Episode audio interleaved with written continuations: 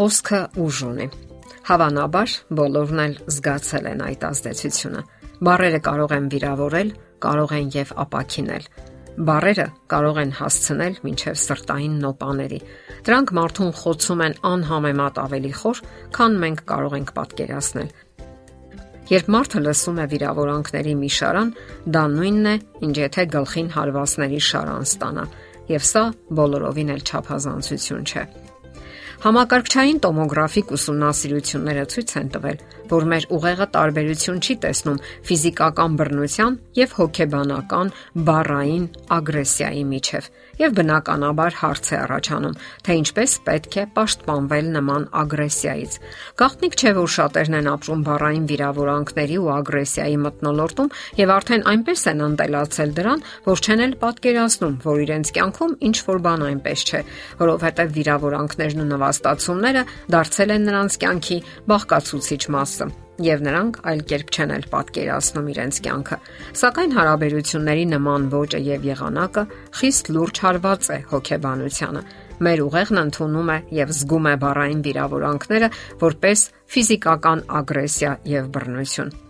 Հոկեբան Պատրիցիա Էվանսը բառային ագրեսիա ինչպես ճանաչել եւ հաղթահարել այն գրքի հեղինակն է։ Նա գրում է. Տարբերություն չկա այն բանում, թե արդյոք բառային վիրավորանքներ եք ընդունում, թե հարվածում են ձեր գլխին։ Երկու դեպքում էլ մեր ուղեղը նմանատիպ հակազդեցություն է դրսևորում եւ դա ցույց են տալիս համակարգչային տոմոգրաֆիայի արդյունքները։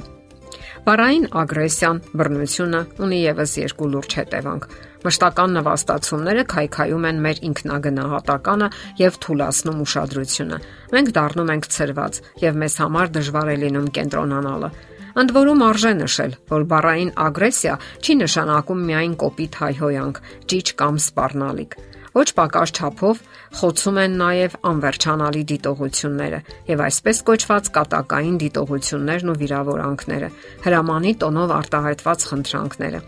Ներկայացնենք բառային ագրեսիայի եւս մի քանի օրինակ, որոնք արժե նկատել եւ որոնց դեմ հարկավոր է պայքարել։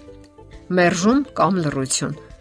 Ագրեսորը այսպես է դատում. Ես ունեմ այն, ինչի կարիքը դու զգում ես, սակայն ես կարող եմ տալ կամ չտալ այն։ Այդ պատճառով էլ ես եմ վերահսկում իրավիճակը։ Կամ Եթե ես չեմ պատասխանում քեզ, հրաժարվում եմ պատասխանել, ուրեմն կարող եմ վստահ լինել, որ ամեն ինչ մնալու է առաջվանը։ Ես կարիք չունեմ քո կարծիքն իմանալու։ Ես այո կամ ոչ չեմ պատասխանում, եւ դու իմ թակարդի մեջ ես, իսկ ես ոչնչով ռիսկի չեմ դիմում։ Հակազդեցություն Չնայած մեր ցանկություններին ու խնդրանքներին, ագրեսորը վստահ է իր գործողություններում եւ այսպես է դատում. Ես կարող եմ մտածել ու գործել երկուսից փոխարենել։ Դու սխալ ես մտածում, իսկ ես ճիշտ։ Եթե ես ստիպեմ քեզ կասկածել քո կարծիքներին, ինձ համար ավելի հեշտ կլինի վերահսկել իրավիճակը։ Հաջորդ պահը արժե զրկում։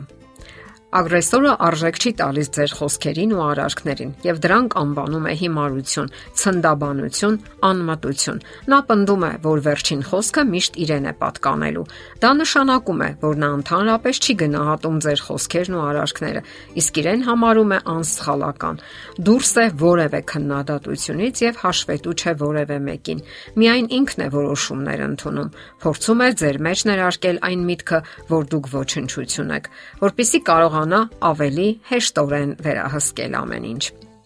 Հիշեք նաև հետևյալ պահերը. կատակային վիրավորանքներ, կոպիտ ընդհատում, մեղադրանք, դատապարտում եւ դիտողություն։ Սրանք եւս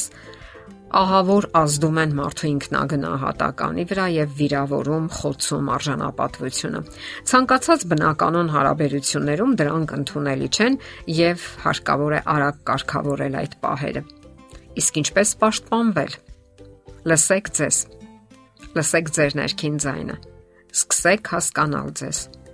Ինչպես եք զգում ձեզ ագրեսորի ներկայությամբ։ Եթե ձեզ թվում է, թե ասեղների վրա եք նստած կամ անլիարժեքության զգացում ունեք, ձեզ հեգնում կամ ծաղրում են, ուրեմն դուք բառային ագրեսիայի եք ենթարկվում եւ հարկավոր է անմիջապես միջոցներ ձեռնարկել։